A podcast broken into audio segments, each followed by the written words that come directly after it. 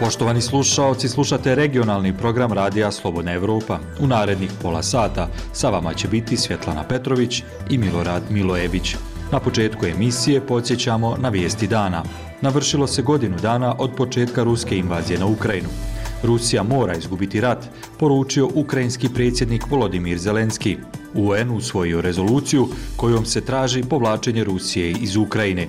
Poljska je isporučila četiri Leopard tenka Ukrajini i spremna je za druge brže isporuke, rekao je na godišnicu ruske invazije na Ukrajinu poljski premijer Mateusz Moravjecki. Kina objavila mirovni plan od 12 tačaka za Ukrajinu. Putin je započeo rat i može da ga okonča, poručio američki državni sekretar Anthony Blinken, najavljujući dalju podršku SAD-a Ukrajini. Na protestu podrške Ukrajini, grupa antiraknih aktivista donijela tortu u obliku lobanje ispred ambasade Rusije u Beogradu.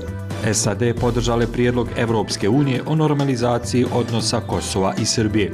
Predsjedništvo Bosni i Hercegovine u Turskoj na poziv predsjednika Ređepa Tajpa Erdoana. Ministar vanjskih poslova BiH Elmedin Konaković sa zvaničnicima Srbije poručeno da je stabilnost u interesu obje države.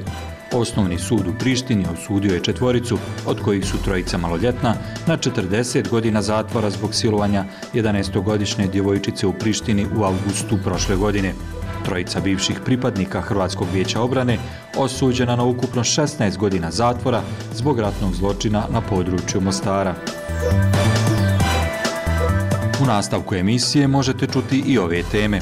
Godinu dana od početka ruske agresije na Ukrajinu u Istorijskom muzeju Bosne i Hercegovine otvorena je izložba Svjetlosija i u doba tame. Ulijana Bach, predsjednica udruženja Proje. Ovdje mi smo prikupili, mi smo dobili, a oni su prikupili sto fantastičnih priča koje stvarno pokazuju nešto što najvjerovatnije je tajna zašto Ukrajina već evo godinu otporna stoji, a i pobjeđuje. Slušamo i priču o Beogradskoj izložbi slikara sa Kosova Fidana Bejtulahua. I remember the morning walks in Sećam se jutarnjih šetnji Kalemegdanom. Drveće je tako veliko. Nije da mi nemamo drveće, ali ovdje je tako veliko i tako staro. Na mojim slikama možete to i vidjeti. Ostanite uz nas. Ovo je regionalni program Radija Slobodna Evropa. Slušajte nas svaki dan u 18 i 22 sata. Rusija mora da izgubi rat u Ukrajini kako bi odustala od pokušaja da osvoji teritorije koje je nekada kontrolisala, rekao je u petak ukrajinski predsjednik Volodimir Zelenski na prvu godišnicu ruske invazije.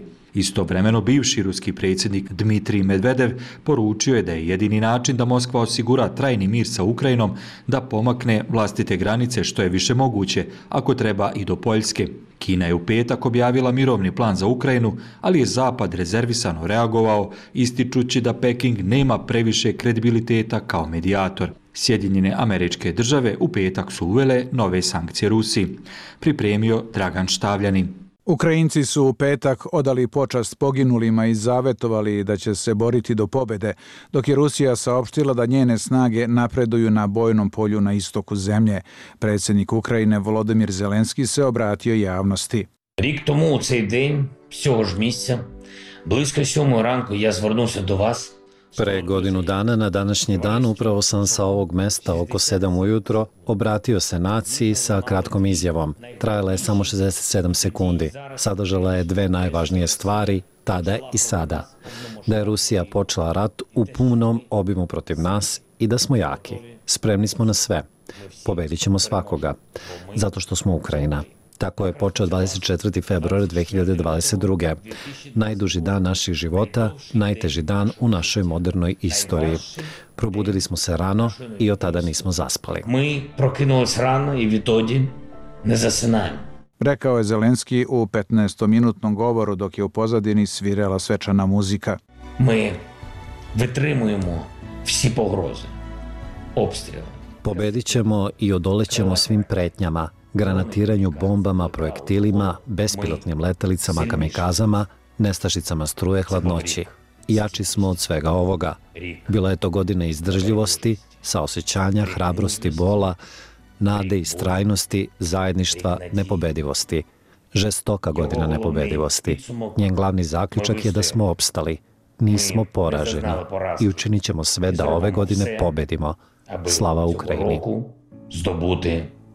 перемогу. Слава Україні! Zelenski je istakao u obraćanju video linkom skupu u Litvani da Rusija mora da izgubi rat u Ukrajini kako bi odustala od pokušaja da osvoji teritorije koje je nekada kontrolisala. Istovremeno bivši ruski predsjednik Dmitri Medvedev poručio u petak da je, citat, prošla godina od kako su naši vojnici uspostavili red, mir i pravdu našoj zemlji, zaštitili naš narod i uništili korene neonacizma. Pobjeda će biti ostvarena, naveo je na telegramu Medvedev, koji je sada zamenik šefa Ruskog saveta za bezbednost. On je dodao da je važno da se ostvare svi ciljevi specijalne vojne operacije, kako Moskva naziva invaziju na Ukrajinu. U tom cilju Rusija će pomeriti granice pretnje po njom, makar to bile i granice Poljske, poručuje Medvedev.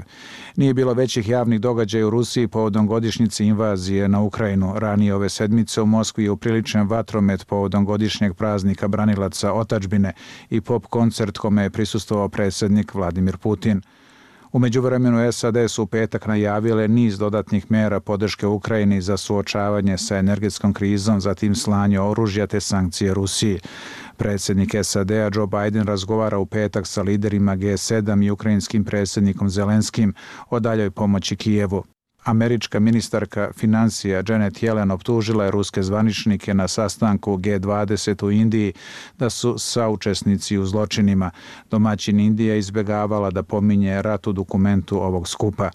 Poljska je saopštila da je isporučila Ukrajini prva četiri tenka Leopard. Švedska je obećala još deset.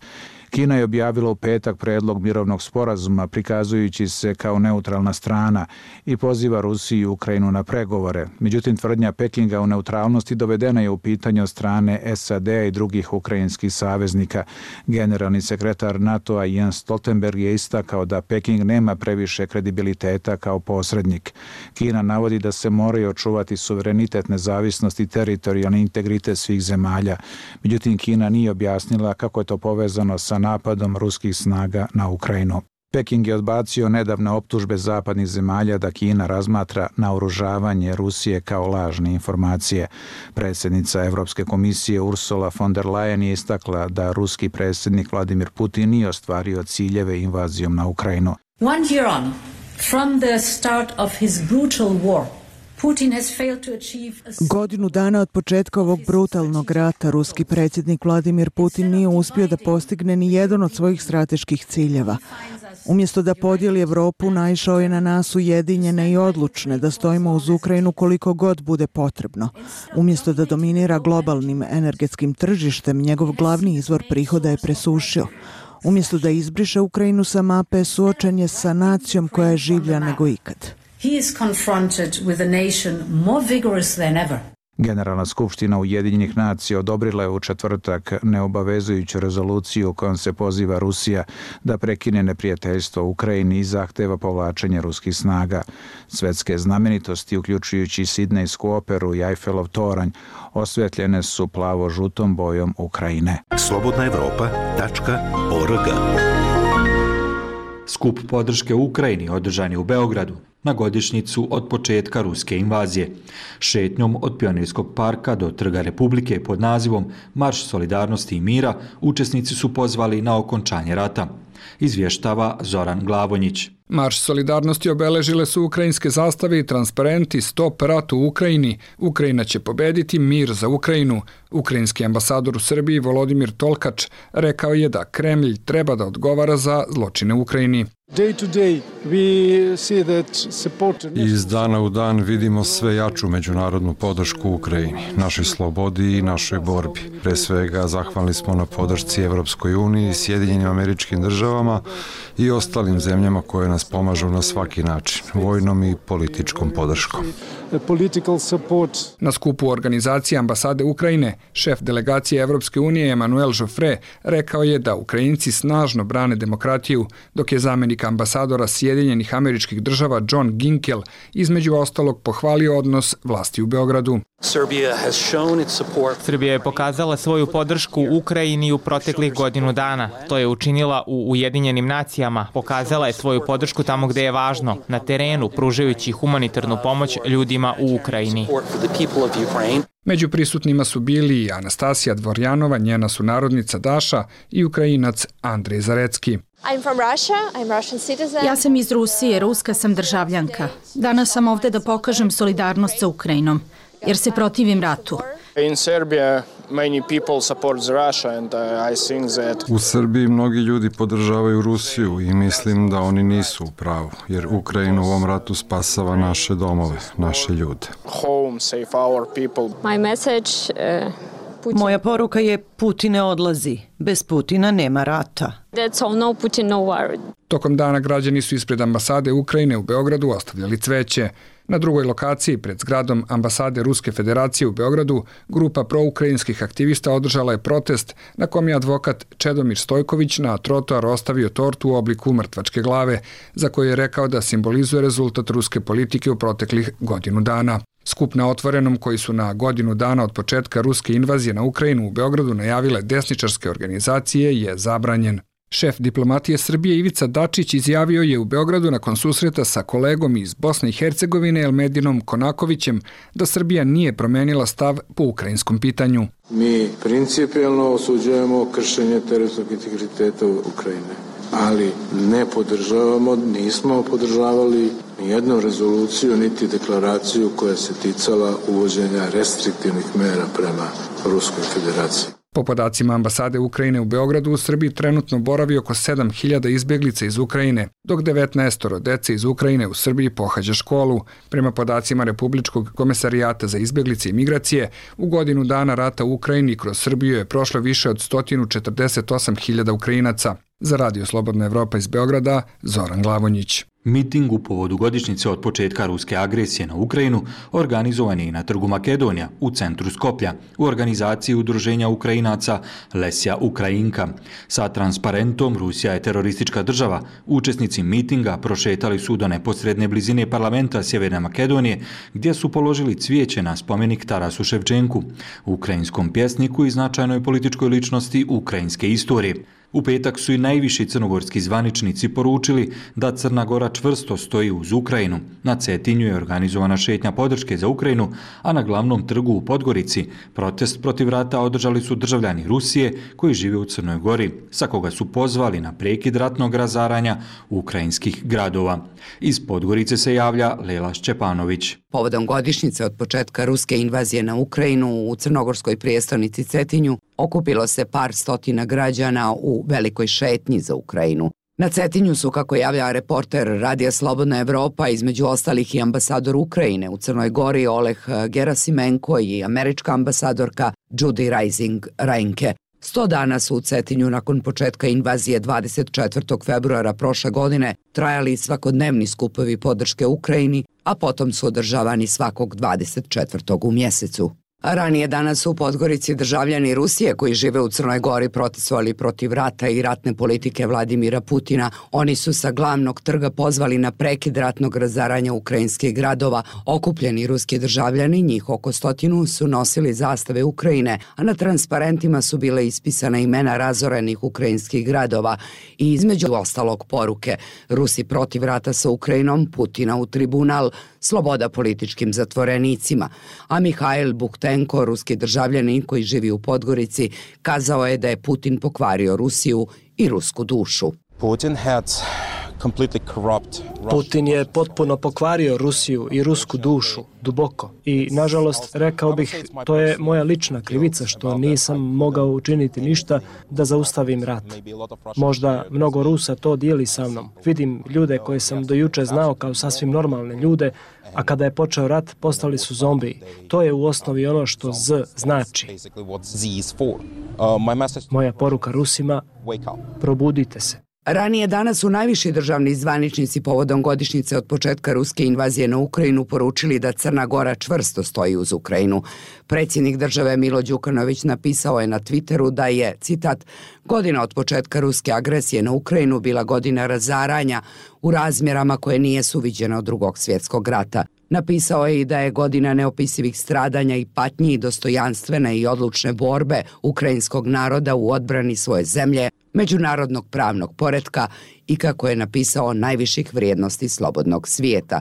Đukanović je objavio i video poruku i saopštio. Dragi ukrajinski narode, divimo se vašoj hrabrosti kojom branite svoju slobodu i najviše vrijednosti slobodnog svijeta. Sloboda, demokratija i život zasnovan na jednakosti i pravilima su naš zajednički izbor. Crna Gora stoji uz vas i vaše vođstvo. Zajedno. Premijer Drita Nabazović je u video obraćanju povodom godišnjice od ruske invazije na Ukrajinu između ostalog poručio da Crna Gora stoji uz Ukrajinu i vjeruje u njenu pobjedu. Hrabri ukrajinski narode, godinu dana je od agresije koja je zadesila vašu zemlju, ali i cijeli demokratski svijet. Pravda, sloboda, mir, vrijednosti su za koje se bore i velike i male države i oni su temelj povele Ujedinjenih nacija. Crna Gora stoji uz vas, vjeruje u vašu pobjedu, ne samo za ukrajinski narod, nego za cijeli demokratski svijet. Podsjetimo, Crna Gora je u aprilu prošle godine uvela sankcije Rusiji i od tada do danas vlada premijera Dritana Abazovića, koje je u avgustu izglasano nepovjerenje, usvojila je sve pakete restriktivnih mjera koje je Evropska unija uvela Rusiji, prateći na taj način spoljno-politički kurs Brisela. Iz Podgorice za Radio Slobodna Evropa, Lela Šćepanović. Predstavnici Hrvatske vlade i Sabora su uz prvu godišnicu ruske agresije na Ukrajinu ponovili snažnu hrvatsku podršku toj zemlji i uvjerenje da će Ukrajina osloboditi privremeno okupirane teritorije. U ovoj situaciji Hrvatska mora pokazati da je ozbiljna članica Europske unije i NATO-a, ocjenjuju stručnjaci. Enis Zebić. Isticanjem ukrajinske zastave na zgradama Hrvatskog sabora i vlade u Zagrebu, simbolički u Hrvatskoj je obilježena prva obljetnica ruska agresije na Ukrajinu. Nesalomljiv je duh onoga koji brani svoje. Onaj ko brani svoje ne može izgubiti, poručio je hrvatski premijer Andri Plenković nakon što je posjetio ukrajinsko veleposlanstvo u Zagrebu i tamo zajedno sa ukrajinskim veleposlanikom u Hrvatskoj Vasiljem Kirilićem zapalio svijeće za poginule ukrajinske vojnike. Po njegovoj ocjeni globalno jedinstvo u potpori Ukrajini velika je podrška ukrajinskoj vladi i narodu, a prije svega ukrajinskim vojnicima. Koji već godinu dana eh, hrabro odoljevaju ovim napadima i postupno oslobađaju privremeno okupirane teritorije. Hrvatska će u tom procesu biti uz Ukrajinu kao što je bila i do sada i želimo da svoju slobodu Ukrajinci ostvare što brže i da u Ukrajini zavlada mir. Hrvatski sabor posjetilo je 30 djece iz Ukrajine, čiji su roditelji policajci, pirotehničari i vatrogasci, a koja se nalaze u posjeti Hrvatskoj. Zasjedanje je počelo minutom šutnje za sve žrtve ruske agresije na Ukrajinu, a predsjednik sabora Gordan Jandroković najavio je nastavak političke, diplomatske, financijske, vojne i tehničke pomoći Ukrajini. Želim jasno kazati kako ukrajinski narod može računati na našu trajnu solidarnost i nastavak snažne podrške u njihovoj pravednoj borbi za slobodu bez posustajanja. Činit ćemo to u svim segmentima gdje možemo pomoći dok god bude potrebno, do konačne pobjede. Središnji skup potpore Ukrajini održat će se u središtu Zagreba u subotu 25. veljače, a danas je na skupu u središtu Zagreba na kojem se okupilo 30 ljudi, grupa feministica i mirovnih aktivistica iz ad hoc feminističke antiratne koalicije uz transparent Zaustavite rat odmah zatražilo trenutno prekidanje rata u Ukrajini, sociologinja Branka Galić. Tražimo da se zaračene strane konačno sastanu, dogovore i da prihvate nekakve mirovne inicijative, inače, nažalost, očito možemo očekivati eskalaciju trećeg svjetskog rata. Toga se bojimo i to ne želimo. Na pitanje radija Slobodna Evropa kako to da su u tekstu peticije uz ovaj prosvjed Rusija uopće ne spominje, a da u peticiji manjka i precizni opis karaktera aktualnog rata u Ukrajini, inicijatorica prosvjeda i koautorica peticije Vesna Janković je odgovorila. Mirovna opcija u principu odbija se svrstati. Osnova procesa pregovaranja je ne biti ni na jednoj strani, saslušati e, potrebe i argumente jedne i druge i treće strane, odnosno svih strana e, u sukobu. Pojašnjavajući koja treba biti pozicija Hrvatske u aktualnom sukobu, bivša hrvatska ministrica vanjskih i evropskih poslova Vesna Puzić kazala je da Hrvatska u vlastitom interesu mora pokazati da je odgovorna članica Saveza kojima pripada. A to su Evropska unija i NATO. Jer ukoliko bi na bilo koji način došlo do ozbiljnije destabilizacije jugoistočne Evrope, a kao što znamo na tome se radi. Za nas je silno važno da savezi kojima pripadamo razumiju da smo mi tu važna i odgovorna članica vrijedna angažmana. Za radio Slobodna Evropa iz Zagreba, Enis Zebić. Godišnjica od početka ruske invazije na Ukrajinu obilježena je i u Istorijskom muzeju Bosne i Hercegovine u Sarajevu, izložbom Svjetlo sija i u doba tame. Satkana je od stotinu inspirativnih priča o ukrajinskoj otpornosti i jedinstvu u vrijeme nedaća. Razgovarali smo i s jednim od aktera, koji godinu dana nakon početka agresije govori o svojim iskustvima, ali i lekcijama, zabilježio Edip Bajrović. Andrej Krištal, aktivista je iz Ukrajine. U vrijeme invazije Rusije na Ukrajinu radio je u inostranstvu, ali odmah je osjetio potrebu da na svoj način i uz pomoć svojih poznanstava doprinese svojoj zemlji. S prijateljima je osnovao Aid Hub, oko kojeg se brzo okupila ekipa od 15 mladih volontera, spremnih da odmah reaguju i pomognu. Počeli su skupljati humanitarnu pomoć, ali i odjeću i opremu za vojsku koja je u prvim danima bila neophodna na terenu. Mobilizacija je tada tek počela u Ukrajini i nije bilo dovoljno opreme. Tražio sam širom Evrope po skladištima koja imaju tu opremu, jer su je svi kupovali u to vrijeme. I bilo je izazovno, jer nisam imao pojma o pancirnim prslucima, kakve su razlike, koji su dobri, koji nisu i zašto se koji koristi. Pa sam istovremeno učio i tragao za tom opremom. Našao sam nekoliko mjesta, a moja prijateljica iz Ukrajine je tragala za potencijalnim donatorima koji mogu pomoći. Andrijeva ilustracija danas je izložena u Historijskom muzeju Bosne i Hercegovine. Izložbu Svjetlo sija i u doba tame čini stotinu ilustracija. Svaka od njih priča svoju inspirativnu priču.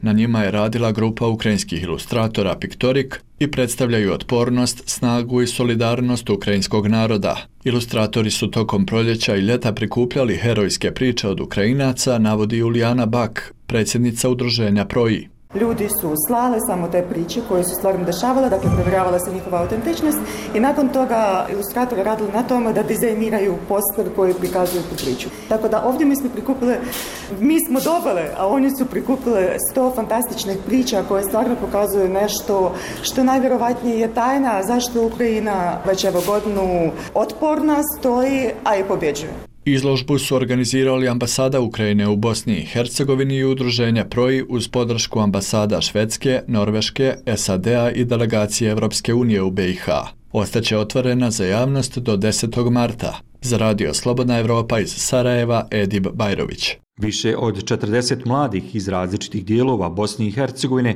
od 23. do 26. februara ove godine učestvuje na festivalu Mira koji se održava u središnjem dijelu Bosne i Hercegovine, Vitezu. Šta kažu mladi o miru u Bosni i Hercegovini, ali i o ratu u Ukrajini?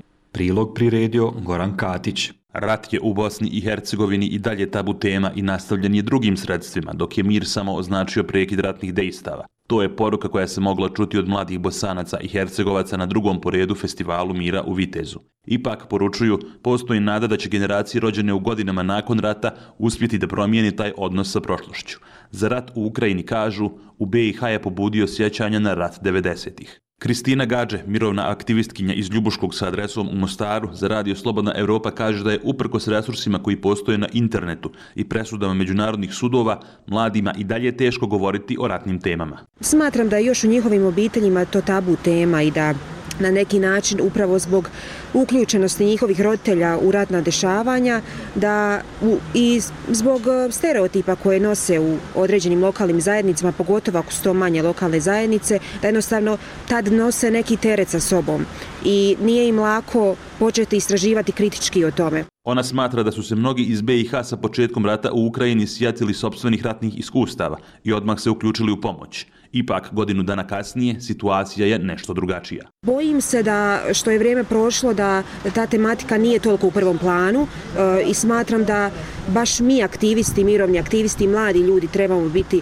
trebamo o toj temi govoriti i s oprezom i s naglaskom na žrtve. Studentkinja ekonomije iz Zenice, Elma Hasan Spahić, smatra da mladi u BiH koliko toliko žive u miru, ali da su ograničeni ratom koji se desio prije nego što su mnogi od njih rođeni. Što se tiče mira, mi živimo mir, iako smo pod tim nekim a, impaktom prijašnjih dešavanja, koja su, a, vjerujem, ostavila a, duboku posljedicu na naše roditelje koji su bili dijelom tog rata, ali čak i na nas. Kaže da su građani BiH prije skoro 30 godina bili u sličnoj situaciji kao Ukrajinci danas i da mnogi iz BiH znaju šta znači biti izbjeglica. Nije lako biti jedna mlada osoba koju će se ukinuti jel te, djetinjstvo a, jednim a, početkom rata i gdje će sve dosadašnje normalne aktivnosti koje su imali a, u nešto a, sasvim neočekivano. Mir u Bosni i Hercegovini je samo prekid ratnog sukoba, ali se on nastavio nekim drugim sredstvima, kao što je stalna proizvodnja nacionalizma, ocjenjuje za Radio Slobodna Evropa Vanja Šunjić, novinarka iz Doboja. I smatram da je to jako problematično, jer generacije rođene za vrijeme i nakon rata, odnosno moje generacije, imam osjećaj da su dosta radikalnije od ljudi koji su učestovali u ratu. Prema njoj, takva interpretacija kreće od kuće preko ulice i škole, pa mnogi mladi danas kroz nacionalizam traži opravdanje za prošlost. Ipak, od generacija rođenih nakon 2000. godine, odraslih na internetu, očekuje malo drugačiji obračun sa istorijom. Centar za postkonfliktna istraživanja i Balkan Diskurs organizuju festival sa ciljem da fokusiranjem na umjetnost, različitosti i ljudska prava očuvaju mir. Za Radio Slobodna Evropa iz Banja Luke, Goran Katić.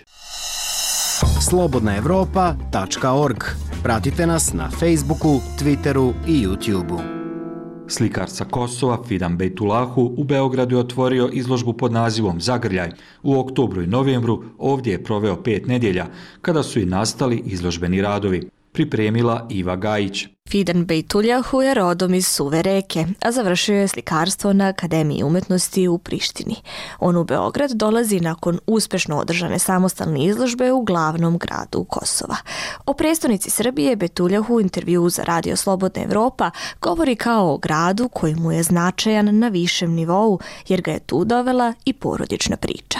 Naime, njegov otac, koji je nedavno preminuo, deo svog života proveo je u glavnom gradu Srbije, o čemu mu je često pričao. Mesta o kojima je slušao kao mali, Petuljahu je imao prilike da vidi upravo tokom boravka na umetničkoj rezidenciji. Fokus rezidencije bio je na umetničkoj razmeni između Srbije i Kosova, razvijanju kulture dijaloga i boljoj komunikaciji između dva društva. Zagrlja je prva izložba koju Fidan Betuljahu ima u Beogradu. Sastoji se od deset slika i audiovizualne instalacije koja prikazuje animirane slike slike. Svojim radovima poručuje da je važno prihvatiti i dobre i loše dane. Bituljahu objašnjava da je došao iz izazovne situacije u svom domu, te mu je boravak u Beogradu bio kao terapija. On ističe da je ova izložba za njega veoma važna baš zbog grada u kojem se održava, a da je sam Beograd uticao i na njegove radove. Sećam se jutarnjih šetnji Kalemegdanom drveće je tako veliko. Nije da mi nemamo drveće, ali ovdje je tako veliko i tako staro. Na mojim slikama možete to i vidjeti. Izložba je otvorena u Beogradu, gradu u kome se ovakvim kulturnim dešavanjima često suprotstavljaju desno orijentisani građani.